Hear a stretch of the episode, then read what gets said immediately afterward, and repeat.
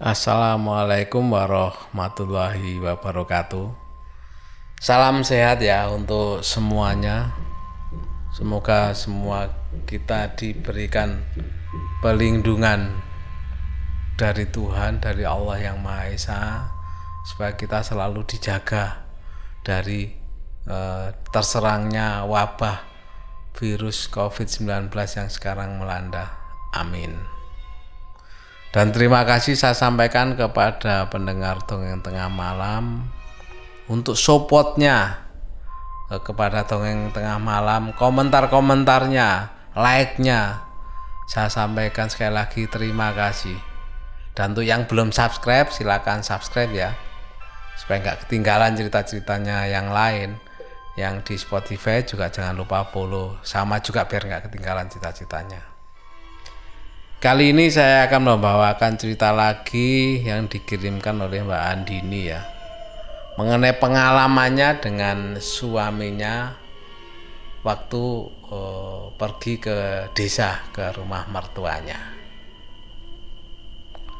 Kejadian itu sekitar tahun 2012.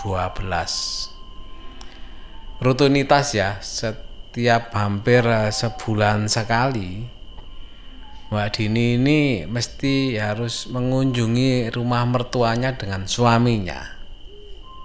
Kebetulan letak rumah mertuanya terletak di kota B ya, maaf inisial ya, nggak mau disebutkan tempat-tempatnya. Memang tempatnya agak di pelosok pedesaan, di mana akses jalannya itu harus melewati hutan-hutan jati. Letak rumah dari orang tua suaminya Mbak Dini ini ya, kebetulan memang letaknya itu berada di eh, tengah-tengah uh, sawah. Jadi uh, di tengah sawah dan juga kebun di situ ada kebun-kebun dan punya tetangga hanya satu rumah saja. Jadi kalau menuju ke sana itu dari jalan desa ya itu masih harus melewati pematang sawah atau galengan ya kalau orang Jawa bilang ya galengan sawah. Jadi galengan sawah itu batas pinggir sawah yang ditanami, yang ditanami padi. Di mana kalau ke sana itu hanya bisa melewati dengan naik kendaraan atau motor, nggak bisa mobil. Itu pun jika tidak hujan. Tapi kalau hujan ya agak sulit. Jadi bisa dibayangkan ya. Jadi rumahnya itu eh, lumayan terpencil dari dari tetangga-tetangga itu. Jadi nggak ban nggak ada tetangga, jadi hanya satu tetangga saja tadi.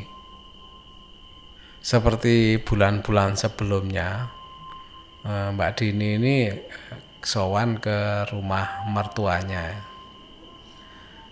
Sampai di rumah mertuanya ya seperti biasa komunikasi ya ngobrol-ngobrol. Dan sore itu sehabis asar tempatnya ya suaminya Mbak Dini mengajak uh, untuk ikut silaturahim silaturahmi ke rumah budenya karena mumpung lagi pulang. Dan suasana waktu itu memang habis hujan. Jadi mau silaturahmi ke rumah budinya itu nggak bisa bawa motor jadi harus jalan kaki. Akhirnya sampailah di rumahnya Budi. Karena lama nggak ketemu ya jadinya ngobrol ngalor ngidul nggak uh, apa melampiaskan rasa kangen ya lama nggak ketemu. Apalagi dengan Mbak Dini ini uh, yang bukan kan keluarga baru termasuk ya jadi istrinya suaminya kan budinya eh, budinya suaminya. Ngobrol-ngobrol nggak terasa sampai waktu maghrib tiba. Dan suaminya ini karena sudah maghrib ya mau ngajak pulang Mbak Dini ini. Tapi karena sudah maghrib ya akhirnya ya suruh sholat sholat dulu sama budenya disuruh sholat dulu, dulu eh, dan bilang Mbok nampalangnya nanti sekalian aja habis makan malam. Akhirnya ya sudah, karena diajak begitu, Mbak Dini yang ikut aja. Akhirnya sholat maghrib di situ di rumah budenya, tapi nggak tahu kenapa suaminya Mbak Dini ini kelihatannya gelisah. Karena tertahan di situ tuh kelihatannya gelisah dan terus terusan ngajak secepatnya pulang ke rumah mertua.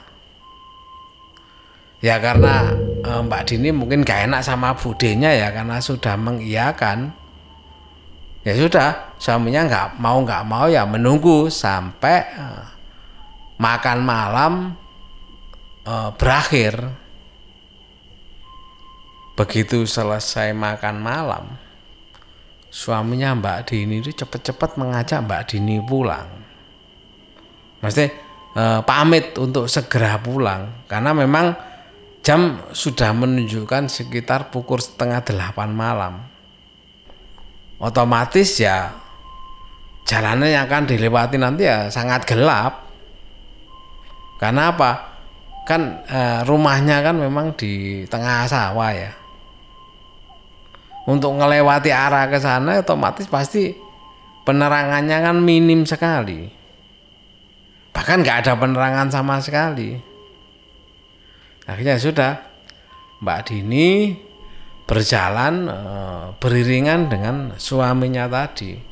Dengan posisi e,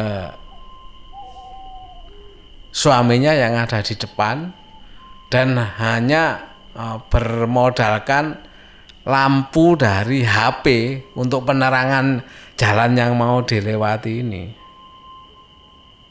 Sesampai di pertigaan pematang yang yang agak tinggi ya, istilahnya itu kalau di saya itu gumuk, eh, bahasa Jawanya ya, itu gumuk pematang yang agak lebih tinggi lah dari yang eh, tanah ya.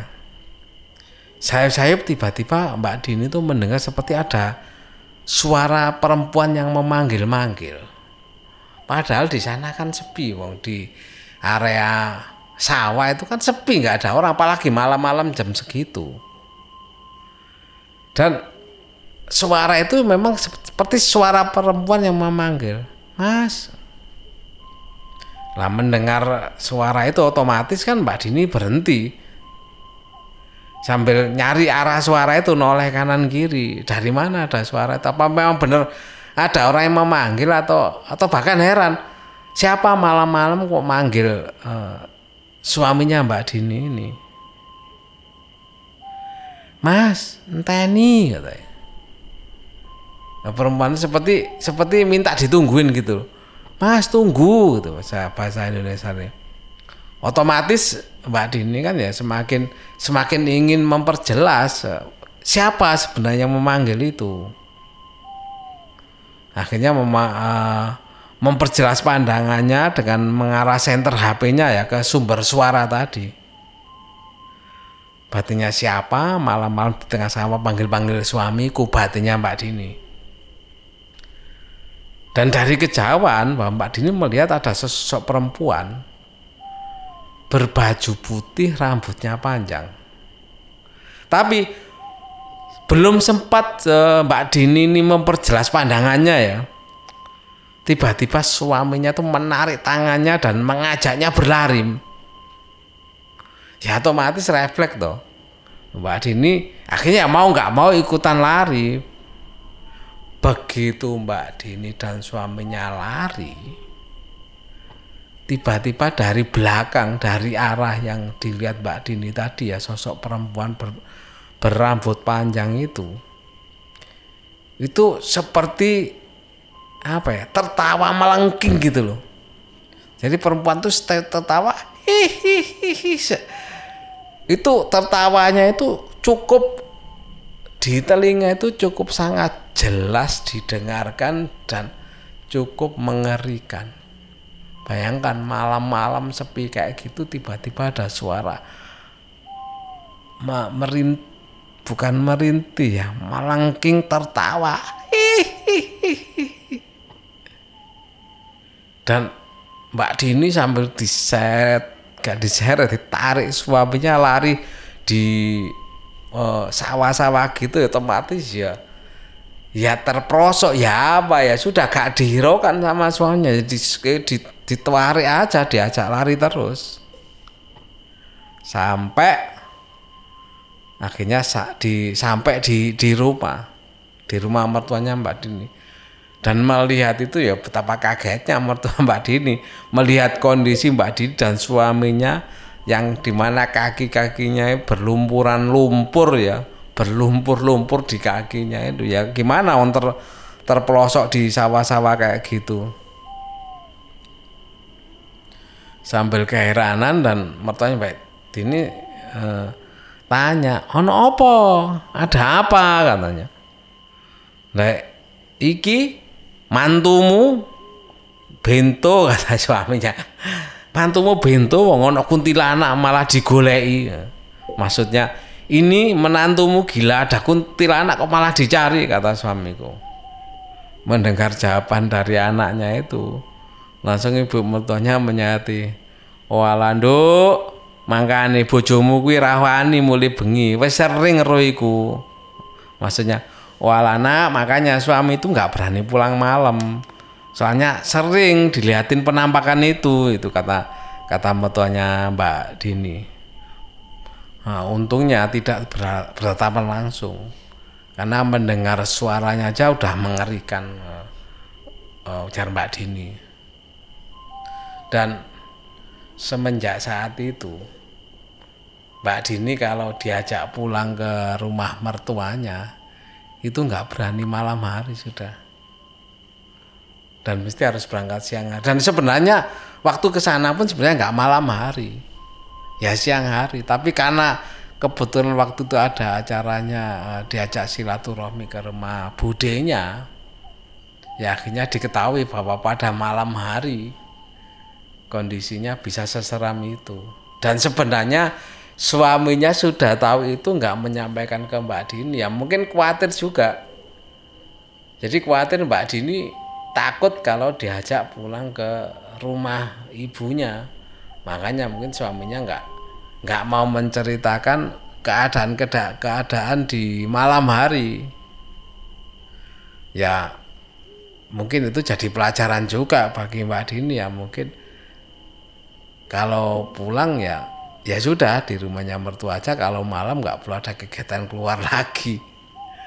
Karena dikhawatirkan bisa ketemu lagi sama eh, penjaganya yang di area sawah tadi. Yaitu tadi cerita pengalaman dari Mbak Dini ke rumah mertuanya ya. Yang di mana rumahnya itu berada di tengah sawah dan mudah-mudahan pendengar dongeng tengah malam bisa terhibur eh, dengan cerita-cerita dongeng tengah malam ini. Dan saya akhiri wassalamualaikum warahmatullahi wabarakatuh